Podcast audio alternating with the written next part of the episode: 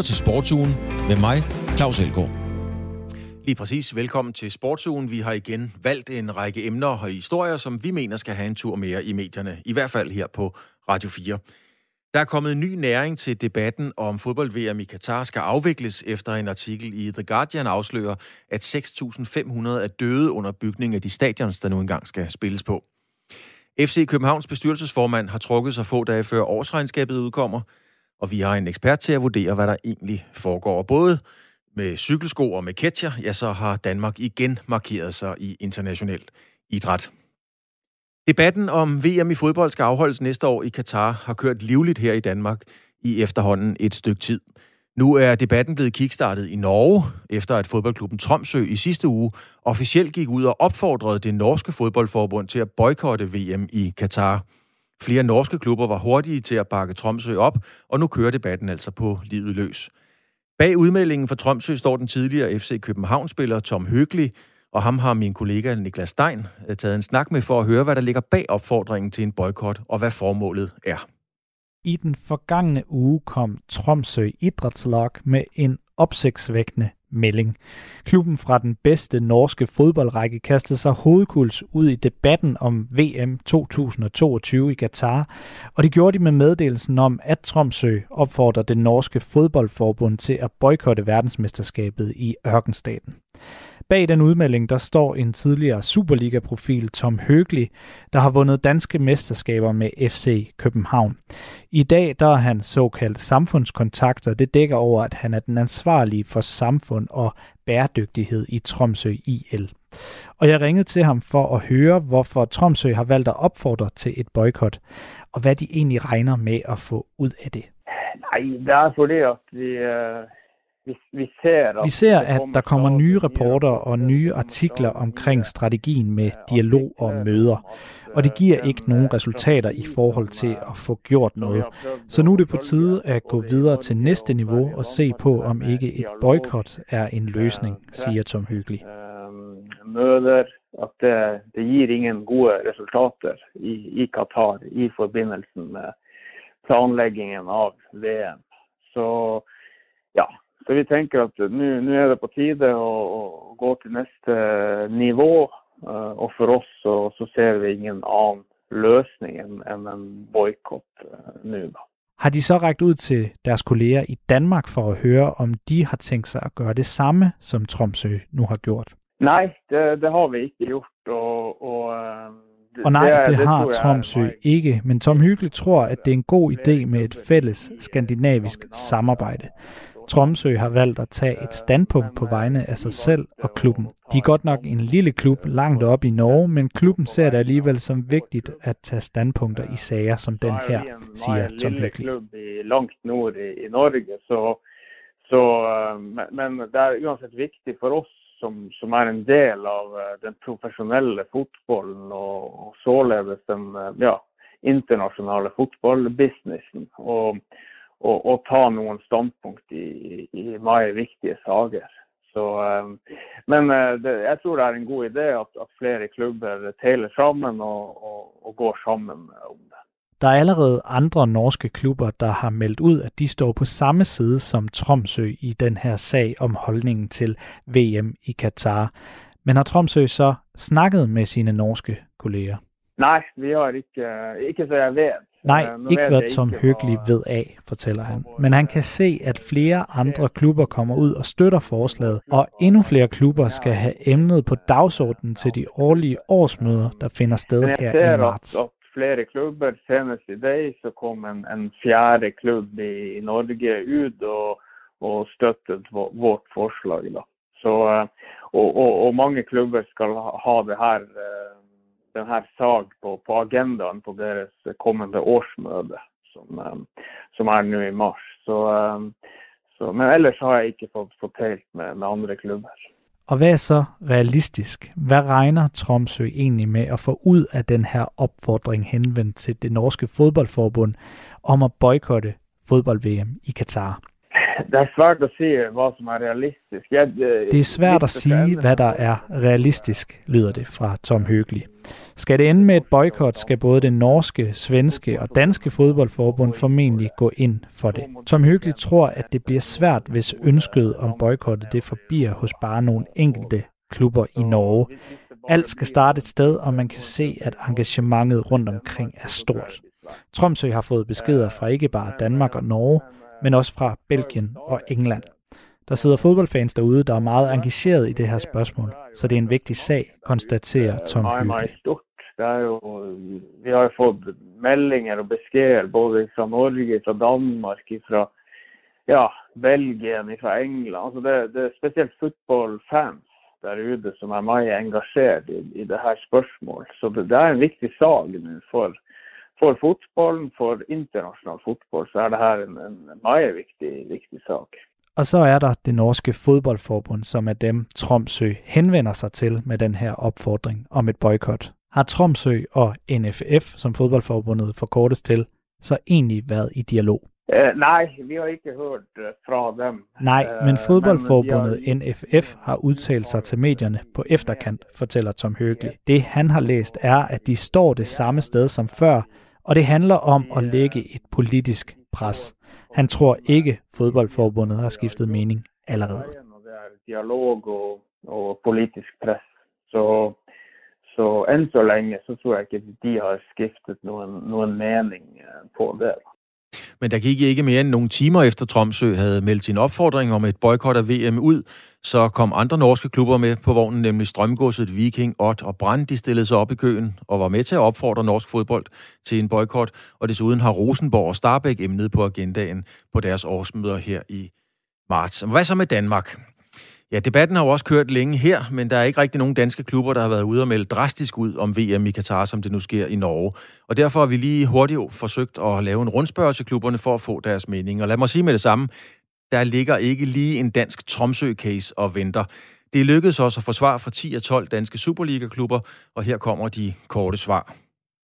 FC Nordsjælland har en holdning til afholdelse af VM i Katar, men den øh, vil de forløbig ikke dele offentligt. Klubben fortæller, at de gerne vil drøfte det med DBU, hvis DBU i øvrigt ønsker at høre deres holdning. FC København har ikke nogen officiel holdning til VM i Katar. Det har FC Midtjylland heller ikke, men de vil melde ud, hvis det i øvrigt ændrer sig. Sønderjyske har ikke på nuværende tidspunkt haft det på dagsordenen og drøftet deres holdning om VM i Katar. Vejle Boldklub og OB har ikke nogen kommentarer. AGF meddeler, at de ikke ønsker at deltage i vores rundspørger, og Brøndby og Lyngby Boldklub har ikke svaret på vores henvendelser. Og så er der jo altså OB, AC Horsens og Randers, der alle tre heller ikke vil gå ind i dialogen eller debatten. Men alle tre henviser til Divisionsforeningen, så derfor har vi selvfølgelig spurgt Divisionsforeningen om et interview omkring holdningen til VM i Katar. Divisionsforeningens direktør, det er Claus Thomsen, har svaret kort følgende i en mail. Som divisionsforening forholder vi os til de turneringer, som er vores, 3F Superliga, 1. og 2. division, så vi har ikke kommentarer til emnet. Og slutligt understreger Divisionsforeningen, at de ikke vil involvere sig i, hvad klubberne i øvrigt svarer på henvendelser om VM.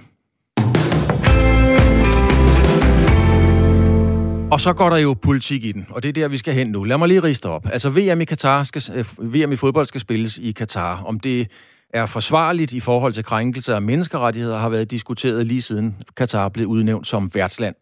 Sagen drejer sig om de arbejdere, der bygger de store stadions blandt andet. Det er der, der skal spilles fodbold. I senest har The Guardian skrevet i en artikel, at 6.500 arbejdere er døde under stadionbyggeriet.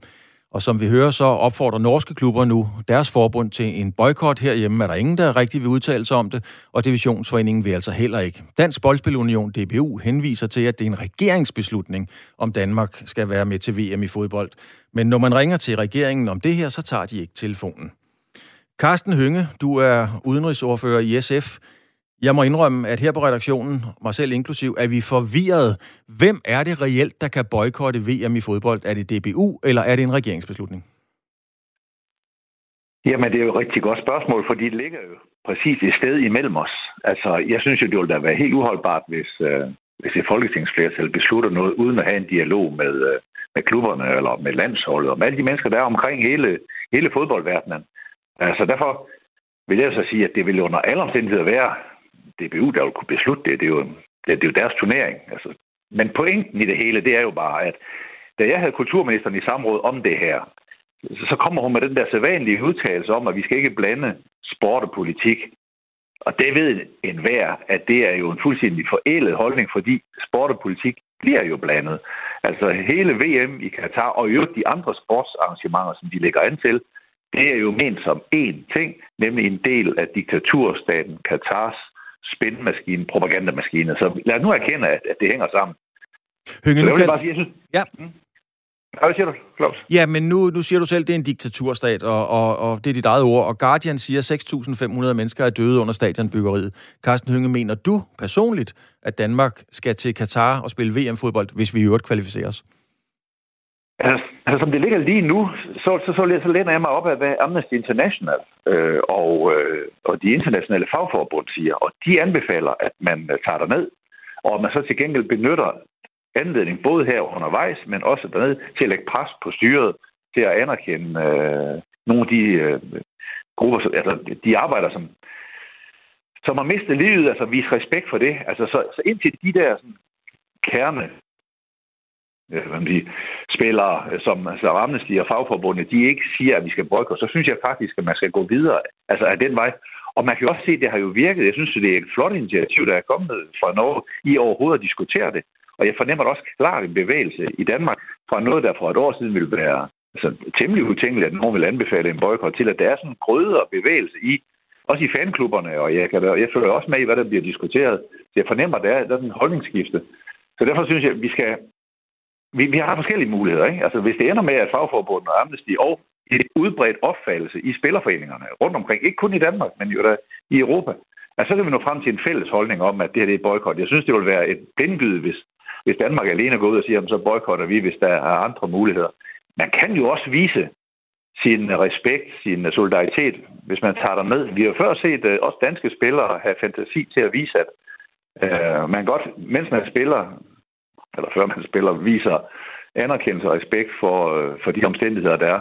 Det kunne være i forhold til Black Lives Matter, man har gjort det tidligere i forhold til LGBT-bevægelsen. Og man kunne godt forestille sig tilsvarende manifestationer, som man kan sætte en kæppe i hjulet på Katars propagandamaskine. Hynge, jeg vil lige spille et klip for dig. Det er fra øh, DR's øh, orientering i tirsdags. Det handler om noget helt andet, men der er nu alligevel, synes jeg i hvert fald, en parallel. Det handler om vacciner i Israel og regeringens idé om at opføre en vaccinefabrik i landet. Kommer her. Det handler jo ikke kun om snæversynet, egoistisk samfundsind lige for os selv. Og det betyder, at man kan godt købe vacciner i udlandet. Selvfølgelig kan man det, men man bliver jo nødt til konkret at tage stilling til, hvilket land er det, vi køber det fra.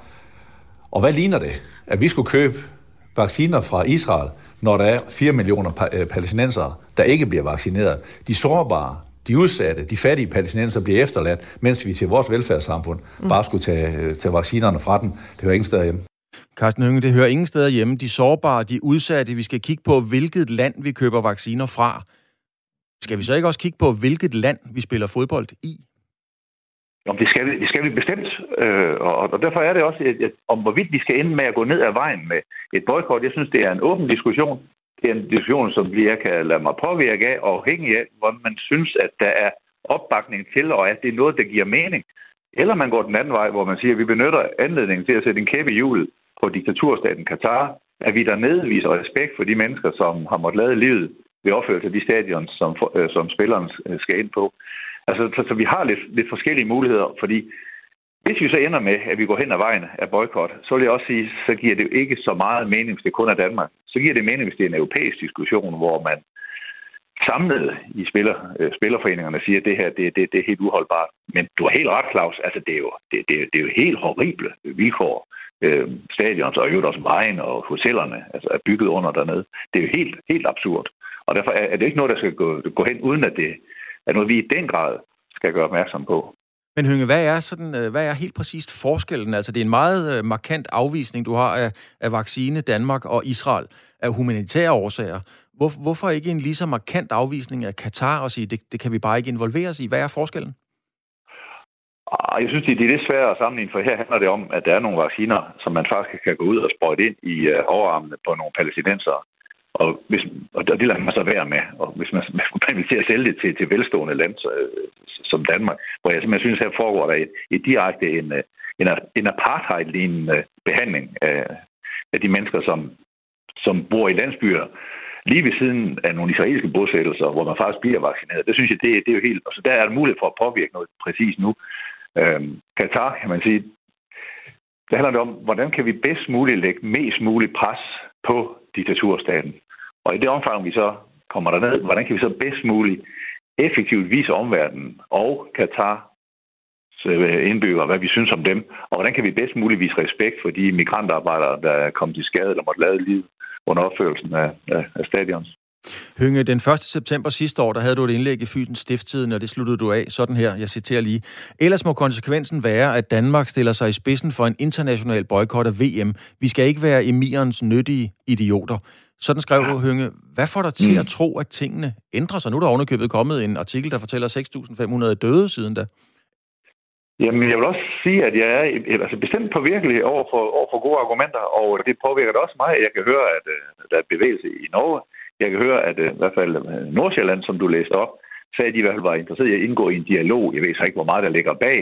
Men altså, vi bliver nødt til at have noget, noget hvad skal man sige, en baggrund for at gøre noget, som, som der er forståelse for, og som der er opbakning til. Altså, jeg synes ikke, vi politisk bare skal gå hen ad en vej, hvis, øh, hvis spillerne i Danmark og alle, øh, alle klubberne og synes, det er en dårlig idé, om andre lande ikke er med. Men, øh, men, men det er helt rigtigt, at øh, på et tidspunkt kunne det godt blive udgang på det, men, men jeg har tjekket op på holdningerne hos Amnesty International, og jeg har tjekket op på holdningerne hos fagforbundet, altså de internationale fagforbund, og de anbefaler os fortsat, at vi skal deltage, men benytte lejligheden til at lægge maksimal pres på, på diktaturstaten. Og indtil de sådan skifter, så tænker jeg, så, så må vi fortsætte ned ad den, men åben for, for den her diskussion, som, som nu også er startet i Norge. Og lige til sidst, Hønge, øh, du nævnte selv, du havde kaldt øh, kulturminister Joy Mogensen i samråd i, i januar, og din sluttende bemærkning øh, ved det samråd, den lød sådan her. Altså ministeren har jo nogle gange undervejs i samrådet henvist til, at der er nogle ting, der ligger under udenrigsministeren. Og derfor vil jeg allerede nu annoncere, at så vil jeg få udenrigsministeren i et samråd med nogle af de samme temaer.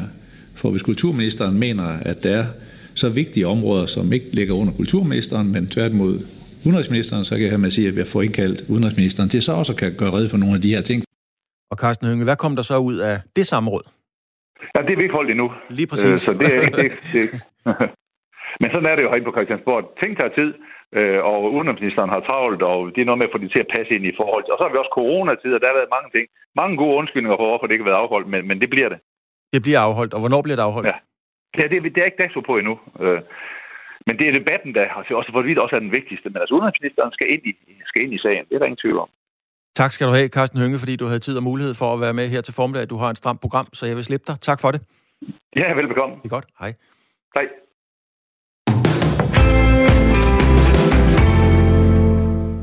Tirsdag kom det som lidt af et nyhedschok, da Parken Sport Entertainment, der er firmaet bag FC København, udsendte en selskabsmeddelelse, der fortalte, at Bo Rygaard stopper som bestyrelsesformand.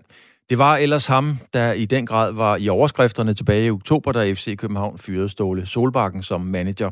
Og siden har FCK været igennem noget af en støvsugning, både i den sportslige organisation, øh, og her var det altså også Bo Rygaard, der, der stod med ansvaret for den oprydning. Men han kommer ikke til at være den øverste chef for den her nye organisation. Rygaard fortsætter godt nok, men som rådgiver i parken, men han genopstiller ikke som bestyrelsesformand, når der er ordinær generalforsamling i april. Morten Jonsen, du er redaktør på Inside Business og har stor indsigt og viden, når det handler om sport og bestyrelseslokaler. Morten Jonsen, først og fremmest så kaldte jeg det her for et nyhedschok. Øh, var det kun i vores egen lille Annegård, eller hvor stor en overraskelse kom det her egentlig for dig eksempelvis? Jamen, det kom jo som en stor overraskelse, specielt fordi, at øh, man skal huske, at parken kommer sådan med deres årsregnskab i morgen. Øh, og hvis man kigger sådan på erhvervslivet generelt, så er det meget, meget usædvanligt, at øh, du har en formand, der trækker sig tre dage før et årsregnskab. Altså det er sådan noget, det er normalt, at man melder ud, for eksempel i forbindelse med en indkaldelse til en generalforsamling eller i årsregnskabet, hvor man skriver, at formanden ønsker at stoppe, og vi har fundet ham og ham til at afløse ham. Så, så, så også timing i det var i den grad specielt. Hvad lægger du umiddelbart i det med den erfaring, du nu har med, med den slags sager? Jamen, nu har jeg jo så også ventet med mange fra sådan erhvervsliv, der har ringet op, og som, som, som også, altså alle undrer sig jo, fordi det er jo meget, meget specielt det her. Og især fordi det, som jo, jo gør det her specielt, det er, at Bo Rygaard i samtlige interviews jo har meget, meget sådan travlt med at fortælle omkring, at det var hans egen beslutning. Øh, og hvis man sådan ser generelt på erhvervslivet, så er det sådan, jamen, hvis man har en formand i et selskab, som har store problemer, som øh, Parken og FCK jo har rent økonomisk, så går man aldrig nogen, som man løber ikke pladsen, men øh, hvis et skib er havsnød, så bliver kaptajnen der øh, indtil det er ligesom at kommer ud af havsnød, eller, eller det modsatte. Øh, sådan har det altid været, og det har man set talrige eksempler på. Det her med, at en formand går, har så travlt med at løbe afsted, og samtidig fortæller det at hans egen beslutning at forlade et selskab, som altså, så vidt vi kan forstå, taber 300 millioner kroner i 2020, og sikkert også kommer til at tabe 60 millioner beløb i år. Det er meget, meget specielt, øh, og det er noget, som, som de fleste undrer sig over. Lad os blive i den der terminologi med, at øh, kaptajnen bliver på, på skuden. Men nogle gange er der jo også mytteri, og så smider de kaptajnen over bord. Øh, kan det være sådan noget, der foregår? Ja, det er jo det, som, som, som, som vi jo hørte op fra. Det er jo, at, at hvis man går lidt tilbage og ser, så er parken jo en situation, og det kan man selvfølgelig sige, det er jo ikke øh, dem selv, der er skyld i det hele, men man er jo selvfølgelig blevet ramt hårdt af, af coronapandemien, øh, som, som koster rigtig, rigtig mange penge. Øh, og det er jo klart, når man skylder sin bank over en milliard kroner, som man banken Nordea, og Nordea, hvis man husker tilbage, når det har jo før måtte måtte redde parken for sådan 11 år siden, da man også var i problemer. Så det er klart, der er en bank her, som er alvorligt bekymret for deres udlån. De har en gang før måtte ligesom redde dem væk fra kanten, og det står de måske skal gøre igen. Så der er en bank, der ligger maksimalt pres på for at få formanden og for at få aktionærerne til at enes om en eller anden form for plan for, hvad der skal ske med det her. Øh, og det er altså ikke, det er Bo Rygaard altså ikke lykkes med at komme med øh, indtil videre. Øh, og det er jo også svært, hvis man husker på, hvordan parken ligesom er organiseret. Så har man tre store aktionærer med de to øh, jyske fabrikanter, Peter Korsgaard, som købte aktierne sammen, sammen med Erik Skærbæk, dengang, at, øh, fordi man sidst var i problemer, og så har så Lars Seier, der købte sig ind for nylig. De tre skal blive enige om en løsning på, hvad gør man med det her problem, at man simpelthen pengene for os ud, og det kan man simpelthen blive enige om. Så det her, det lugter jo langt mere af, at du så er formand, som ikke kan finde fælles fodslag i sin, øh, i sin bagland, og derfor simpelthen må trække sig. Hvis man kigger på Bo Rygaards øh, virke, Øh, ja, nu har du allerede selv fortalt, den store økonomiske succes har det jo så ikke været. Men hvis man kigger på hele parken, sportsligt, økonomisk, hvad er det så for et eftermæle, øh, Rygaard har? Jamen igen, hvis man ligesom går lidt sådan ind og læser lidt på, hvad bliver der sagt, det her med, at, at han er meget travlt med at forklare, altså det her med, at han selv er gået og så videre, så er der også en stor, en stor ønske om at fortælle om, hvor meget godt der er sket i parken i, i hans tid derinde. Og hvis man ligesom går lidt ind bag de, de linjer der, så må man sige, så meget er der ikke sket. For det første, øhm, parken og FCK har et budget, der egentlig tilsiger, at man bør vinde mesterskabet, hvis ikke hvert år, så i hvert fald tæt på.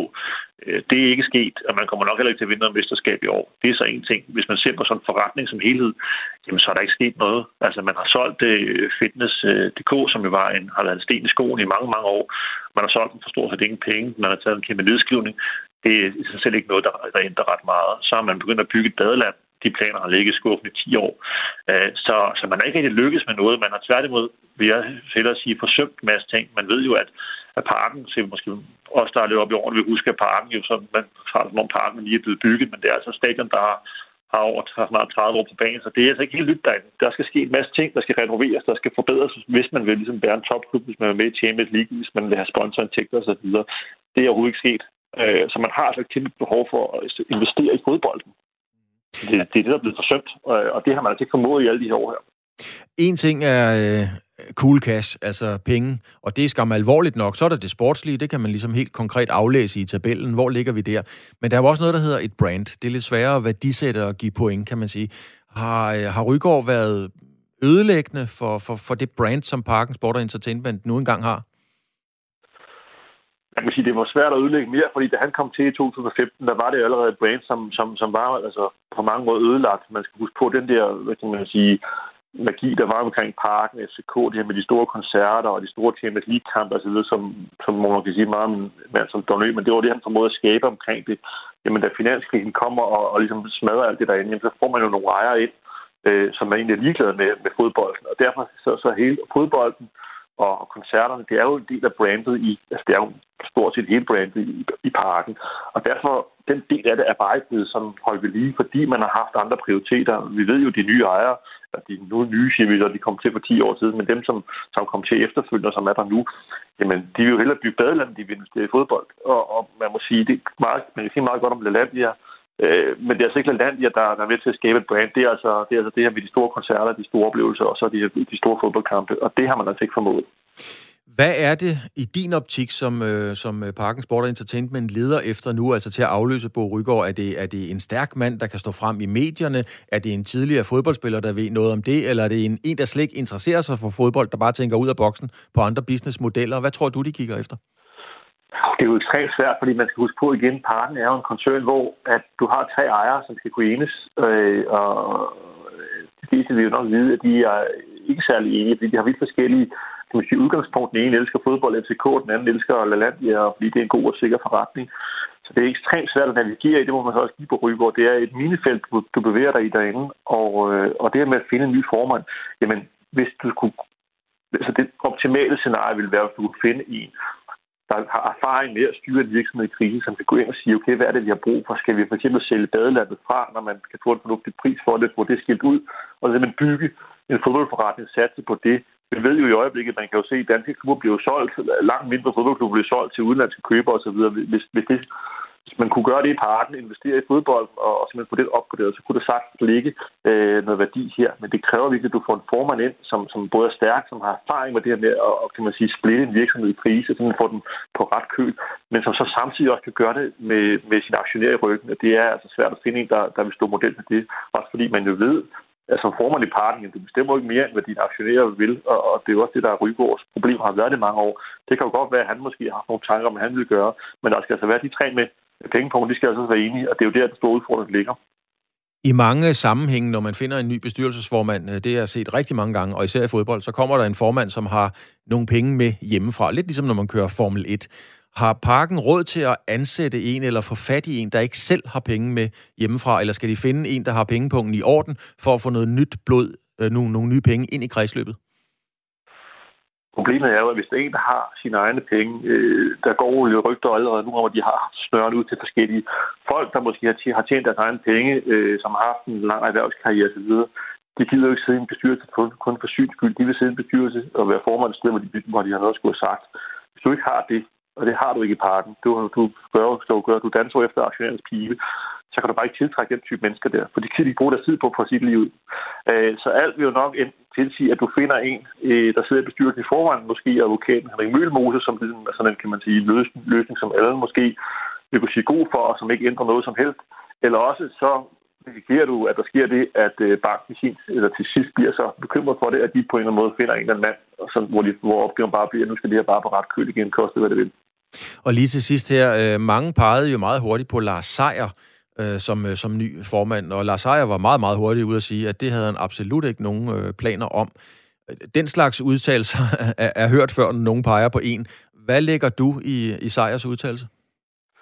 Man kan sige, at Lars Seier har måske kigget lidt på, øh, på, ude på, på, på hos øh, konkurrenterne ude, eller rivalerne ude i Brøndby, hvor at, øh, man jo også har en stærk ejer i form af Jan Bæk Andersen, som jo selv har siddet i bestyrelsen og været formand, og det kom der på ingen måde noget godt ud af. Øh, og når Lars Seier øh, jo er kan man sige, en fodboldfan på mange måder og, og glad for FCK, og så er man i sin følelsesvold, så skal man holde sig langt ud fra bestyrelseslokalet. Så det vil jeg sige, det lyder da kun helt fornuftigt, hvis han på alle måder afviser det. Fordi det vil da slet ikke give nogen mening, og det vil også være, tror jeg, skadeligt. Fordi, som sagt, når man er fodboldfan, ligegyldigt hvor mange penge man har, og hvor man sidder i bestyrelsen, så, så tænker man ikke altid klart, når man har, har, har tabt en kamp øh, i overtid. Morten Jonsen, redaktør Inside Business. Tak for din øh, analyse og din vurdering af, hvad der foregår i Parken Sport og Entertainment. Tak fordi du kunne være med. Selv tak.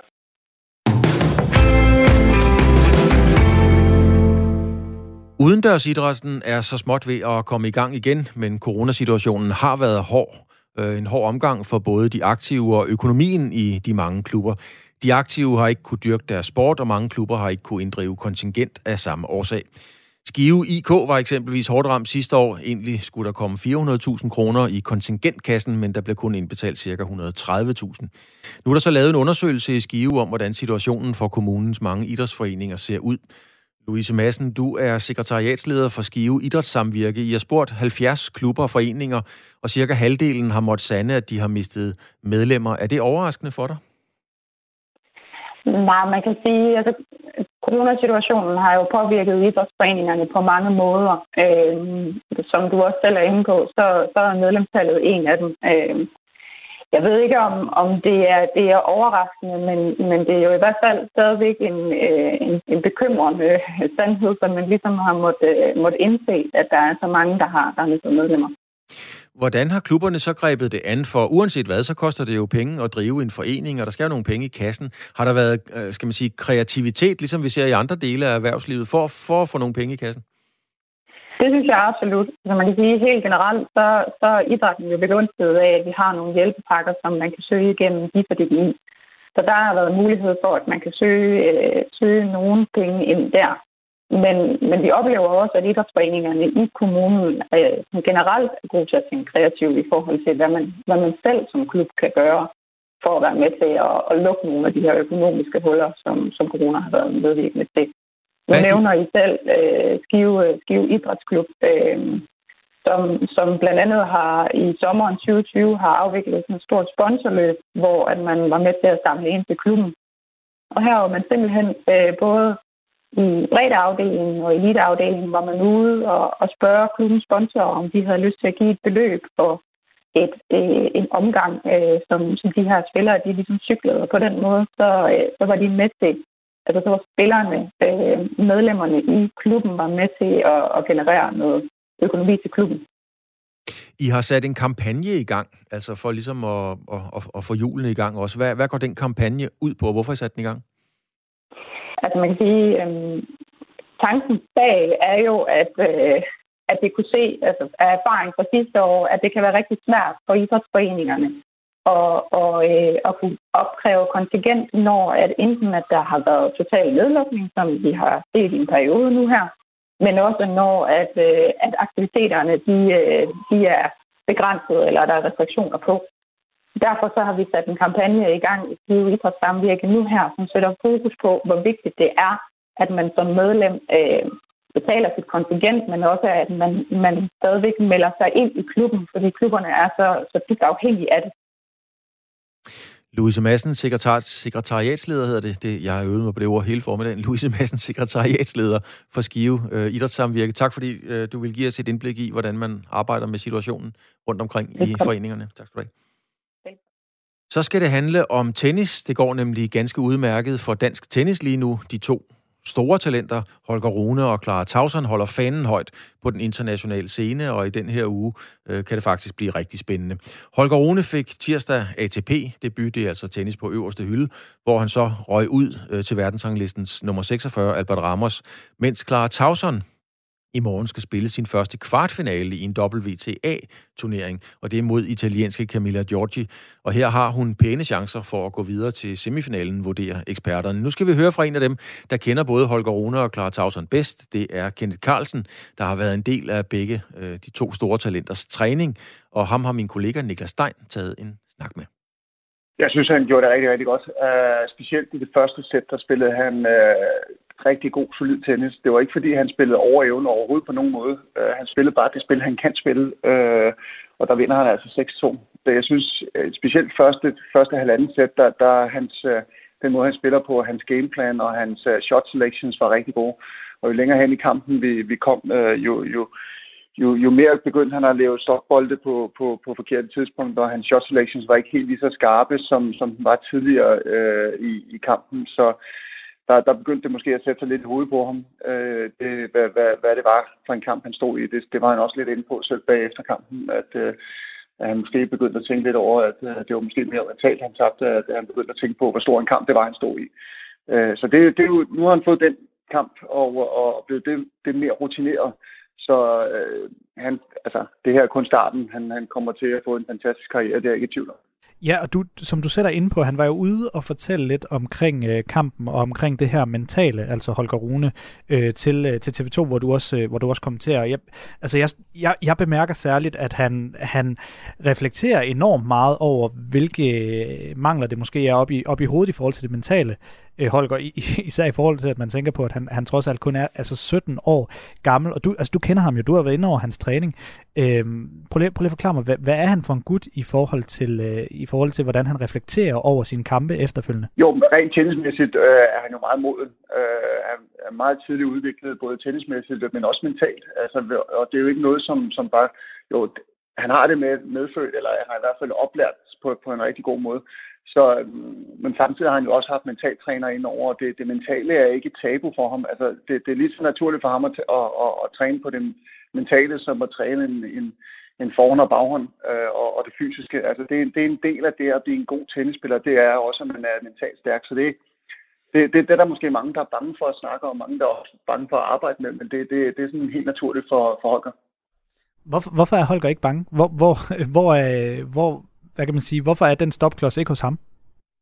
Ja, men man kan sige, at han har, han har den evne, og han er også sådan en spiller, som elsker, når det er meget, øh, meget lige kampe. Han er sådan en, man, man gerne vil gå ind og, og have til at spille en afgørende kamp i en dansk Cup eller en holdkamp, eller, og, og han elsker, når det er sådan noget tætte tiebreaks, og, og når det er virkelig god tennis. Og, og det er jo ikke alle, der gør det. Der er nogen, der er bange for de der tætte situationer, men det, der, der, der trives han altså. Han, han elsker også at spille på centerkort, og han elsker de her store kampe. Så han, han trives under pres. Øh, og samtidig så er der så også den, hele hans opvækst, øh, træningsopvækst, der har været meget professionelt anlagt. Så der er ikke noget sådan, man kan sige, der, der, der, der, der er overladt til tilfældighederne, øh, hvis man kan sige sådan. Øh, det, det, det er meget sådan skæbelagt omkring, hvad, hvad, eller i hvert fald meget, meget systematisk gået til, hvordan hans teknik skulle, skulle være.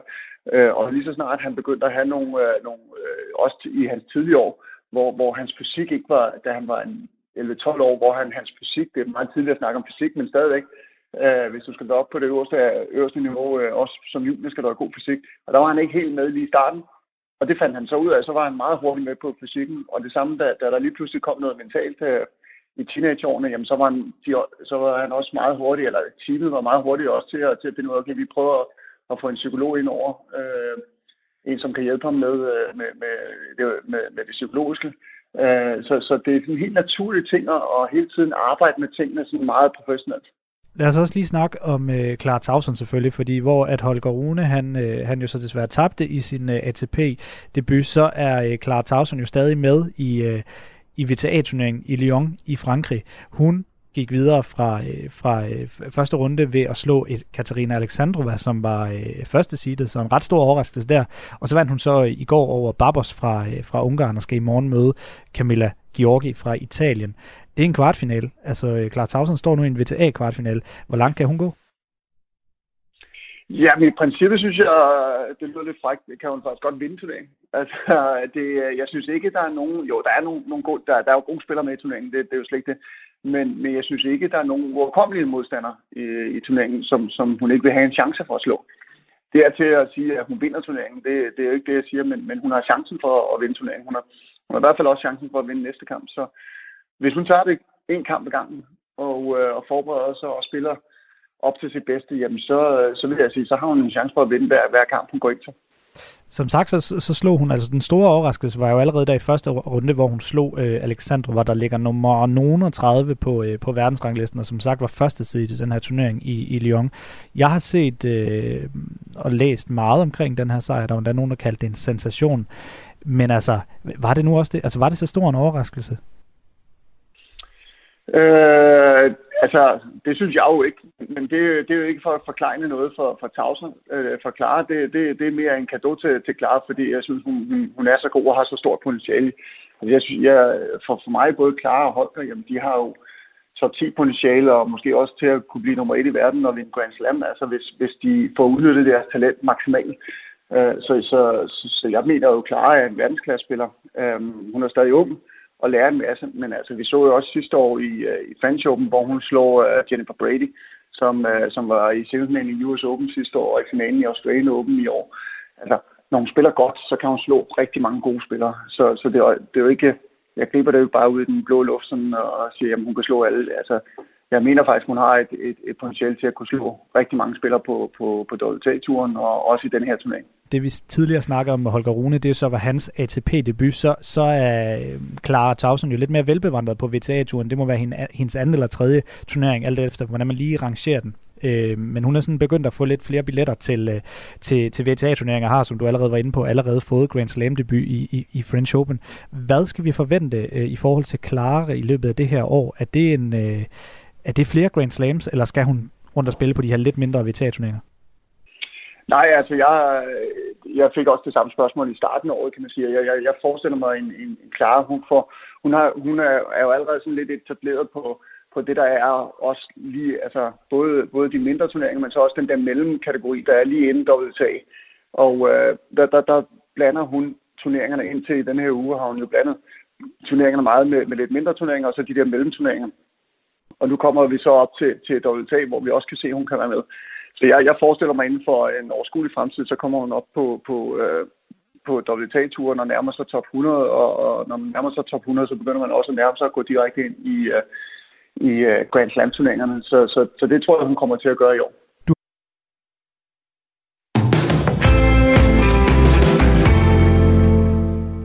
Og det var altså Kenneth Carlsen, vi hørte her komme med en vurdering af Holger Rune og Tauson.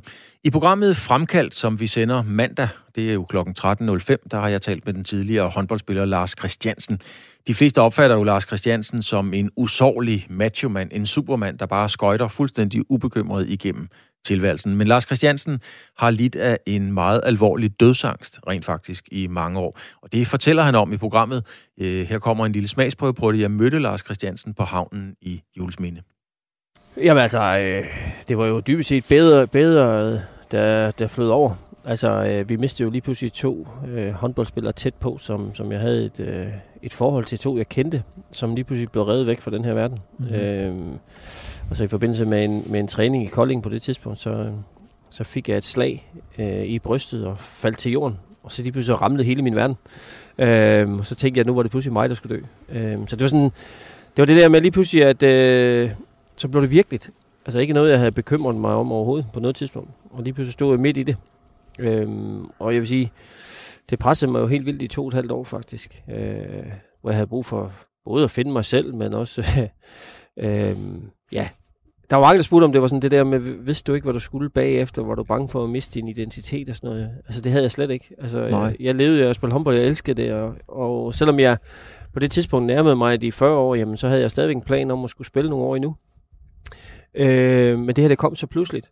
Og det var nok også en af grundene til, at det kom sådan, hvis jeg nu kigger tilbage i dag, øh, at jeg måske i perioder har givet alt for meget af mig selv, at jeg dybest set glemte mig selv lidt. Mm. Det vil sige, at jeg fik aldrig taget de her pauser, hvor jeg havde brug for bare at være Lars. Fordi der var jo hele tiden en eller anden, både en mening om mig, og nogen, som ville have et lille stykke af det øh, på en eller anden måde. Og, og det har aldrig været et problem for mig. Jeg har altid elsket at give det. Ja, du har delt ud af dig selv? Jeg har altid delt ud af det, for jeg synes jo, øh, altså bare fordi jeg kan spille håndbold, så er jeg forhåbentlig også meget andet end det. Og det er altid det, jeg gerne har ville se, øh, vise. Og, øh, prøve at være mig selv hele vejen igennem. Øh, meget åben og lige til. Øh, det er klart, det koster jo også nogle kræfter på et tidspunkt. Mm. Øh, og det er sådan det, jeg har fundet frem til, at det har måske været lige rigeligt af det, at øh, jeg glemte det, der var aller tættest på mig selv og familien, og så, jamen, så blev jeg ramt både af dårlig samvittighed og ja, sådan en, en kombination af flere ting. Øh, nu kan jeg sidde på den anden side og sige, at jeg har gennemlevet det Øh, det opstår sådan ind imellem med, med små ting, når der nu øh, sker noget. Nu er det ikke længe siden, vi lige pludselig mistede en, en øh, målmand i Porto, og, øh, som øh, fik et hjertetilfælde til træning. Og ja, så to, 32 år. Ja, 32 år, så pludselig ja. dør af det. Øh, så kan man sige, det påvirker jo selvfølgelig en lille bitte smule, men, men når det er sagt, så får jeg det også lagt væk, fordi det er jo, det er jo, har jo dybest set ikke noget med mig at gøre. Før i tiden, der tog jeg jo alle de ting helt tæt ind på kroppen. Ja. Som om, at jeg havde en aktie i alt. og det har man jo af god grund ikke. Nej. Øh, det har jeg i hvert fald af god grund ikke. Så, Men... så, så det har jeg lært sådan at sortere i. Så mm. det, det gør også, at jeg kan sådan styre øh, tingene. Øh, og har virkelig lært meget af det. Øh, dem, du refererer til, da vi, vi mistede dengang, det, jeg formoder, det var Jan Bøje, og så var der en meget, meget ung, jeg tror, han var 21 år for Ribe. Ja, lige præcis. En spiller. spiller ja. ja. Øh, gjorde det så stort indtryk på dig? Altså, du blev bange simpelthen? Ja, også fordi vi havde jo et minut stillhed i forbindelse med dødsfaldene dengang, og den ene, det var jo med et hjertetilfælde, der, og øh, det var jo forfærdeligt. Altså, det var det bare. Og øh, det, det chokerede mig. Så det var det, der triggede det. Ja. Da jeg så lige pludselig stod der og ikke kunne få vejret og blev dårlig og utilpas, ikke? Øh, og det, det var jo så det, der gjorde, okay, nu er der et eller andet i vejen. Og så så, så jeg jo det sorte. Men så, jamen, det gjorde jeg. Og øh, tænkte jo ikke rationelt. Og det, det vil sige, for mig på fysikken gik det jo ekstremt meget ud over. Jeg mistede jo stort set halvdelen af min fysik 18 år. Øh, og det fortæller jo lidt, hvad tanker kan gøre, faktisk. Øh, det blev jeg jo chokeret over, for jeg var jo i god form, og var vant til at, at træne hver dag, og elskede det. Mm. Og øh, har aldrig haft det sådan, jeg ikke gad at træne, vel? Pludselig, det sidste halvår, jeg spillede, der havde jeg det sådan øh, en 3-4 dage om ugen, hvor jeg var, var sådan presset, inden jeg skulle til træning. Mm. Det var også derfor, jeg stoppede før tid. Øhm. Jeg kan huske, du sagde til mig, at det var en, og det, det ord tænkte jeg meget over, du kaldte det en tankedepression. Ja, ja det var det fine ord, for jeg forsøgte jo også at, sådan at, at finde frem til, hvad, hvad, hvad er det her? Hvad er diagnosen på det her? Og, øh, der blev jeg mødt med det der, der var sådan en tankedepression her. Øh, og det lyder sådan specielt, men, men ja, det var det. Mm-hmm. Øh, det der med, på et tidspunkt var jeg måske endda mere bange for at leve, end jeg var for at dø, og det var lidt det også, der var, der var sådan lidt specielt at, at gå rundt med. Ja. Men, øh, men i dag, der lever jeg da et liv, hvor jeg tænker meget positivt, og jeg ved jo, det er en del af det, og en del af mig, men, men, men det er ikke noget, der sådan fylder i hverdagen. Du er kommet, altså på den måde, du er kommet forbi det? Ja, men, men det der med, og det har jeg også snakket både med psykologen om dengang og andre, øh, det forsvinder nok aldrig. Nej. Det vil nok altid være en lille smule i mig. Kommer det, når nu en, en portugisisk målmand dør? Øh, ja, fordi så tænker jeg lige over det kort. Øh, eller man hører om andre, som... Øh, nu har vi også lige pludselig mistet en anden øh, spiller, som, som jeg har haft tæt på, og, og det er klart, det påvirker mig jo. Men, men, men det er ikke så slemt som, som den gang, hvor jeg tog det helt ind under huden selv, Nej. og lade det gå ud over mig på den måde. Jeg, jeg, synes, det, jeg synes jo klart, det er forfærdeligt, og øh, altså, det er jo vanvittigt. Men, men, men, men jeg lærer også lige at få en lille smule afstand til det. Ja. Så det vil sige, det ligger og ulmer nogle gange. Mm. Øh, men, men, og så popper det jo op midt imellem, ikke? Men, men, men det er ikke sådan, at det er der i hverdagen. Og du kan altså høre øh, hele interviewet med Lars Christiansen fra havnen i Julesminde. Det er på mandag, det er fremkaldt, det er klokken 13.05. Lars fortæller også om, øh, hvorfor Flensborg for eksempel slet ikke bød ind på at købe Mikkel Hansen, som jo så endte i Aalborg.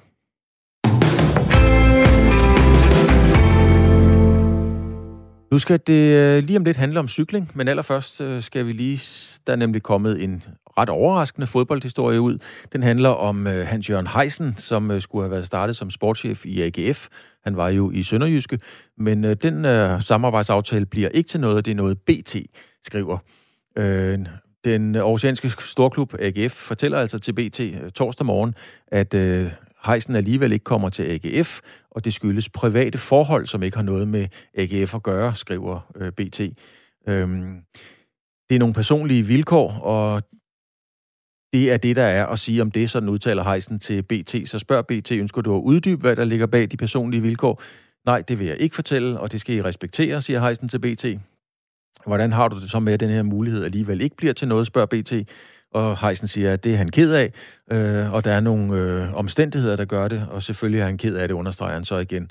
Øhm, og så spørger BT, om han ser sig selv med en fremtid øh, i fodboldbranchen, og så svarer Heisen til BT, Øh, ja, alt det må vi se på. Hvis der kommer noget nyt, så må vi se på det. Det er der, den ligger, lyder det altså fra Hans-Jørgen Heisen. AGF har gjort ikke yderligere til kommentar til sagen, øh, men har genoptaget jagten på en ny sportschef, og det er altså BT, der skriver den historie. Den har jeg lige fået op på min skærm i hvert fald. Cykelløb. De danske cykelryttere cyklede ud af et fantastisk 2020 og har i den grad fortsat tempoet her ind i 2021, hvor den nye cykelsæson jo altså har kommet godt i gang. Først vandt det unge stortalent Jonas Vingegaard fra Jumbo Visma en bjergetappe i UAE-tur i de forenede arabiske emirater. Det var i torsdags, og det gjorde han endda foran selveste Tour de France-vinderen Pogacar. Så øh, vandt Mads Petersen et af de såkaldte monumenter, eller semiklassikere, øh, Kurne Bruxelles Kurne, der varsler, at øh, lige om lidt, så skal vi i gang med de helt store forårsklassikere. Nu øh, skal vi så for alvor i gang med det, og jeg har Emil Axelgaard fra feltet DK med.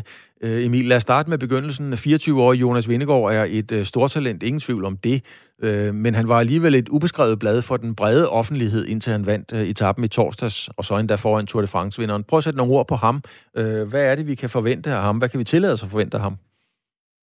Jamen, han er jo øh, vores nye Jakob Fuglsang, kan man tillade sig at sige. Fordi at selvom vi har haft en, øh, har en rigtig lovende generation på vej med Mads P., Søren Krav, Kasper Askren og de der lidt tungere folk, så har vi haft lidt et tomrum øh, i klassementssammenhæng. Altså de rytter, der kan køre i tabeløb og, og klatre i bjerge. Øh, for Jakob Fuglsang er ved at være en ældre her, han holder ikke evigt. Og, og der har ligesom været et tomrum. Og det, øh, det ser ud til, at Jonas Vingegaard, han øh, kan fylde det ud. Han øh, har fået en, en en fremragende debut allerede for to år siden, hvor han øh, overraskede alt og alle ved øh, at køre en helt vanvittig kongeetappe i Polen rundt, øh, som et World Tour løb, hvor han, hvor han vandt og faktisk havde mulighed for at vinde hele løbet, indtil han så desværre kollapsede lidt på, på sidste etape. Og så sidste år, så, øh, så fik, øh, fik endnu flere øjnene op for ham, fordi han kørte så fremragende som, som hjælperytter for for Primoz Roglic i øh, Vueltans, i, specielt i den sidste del.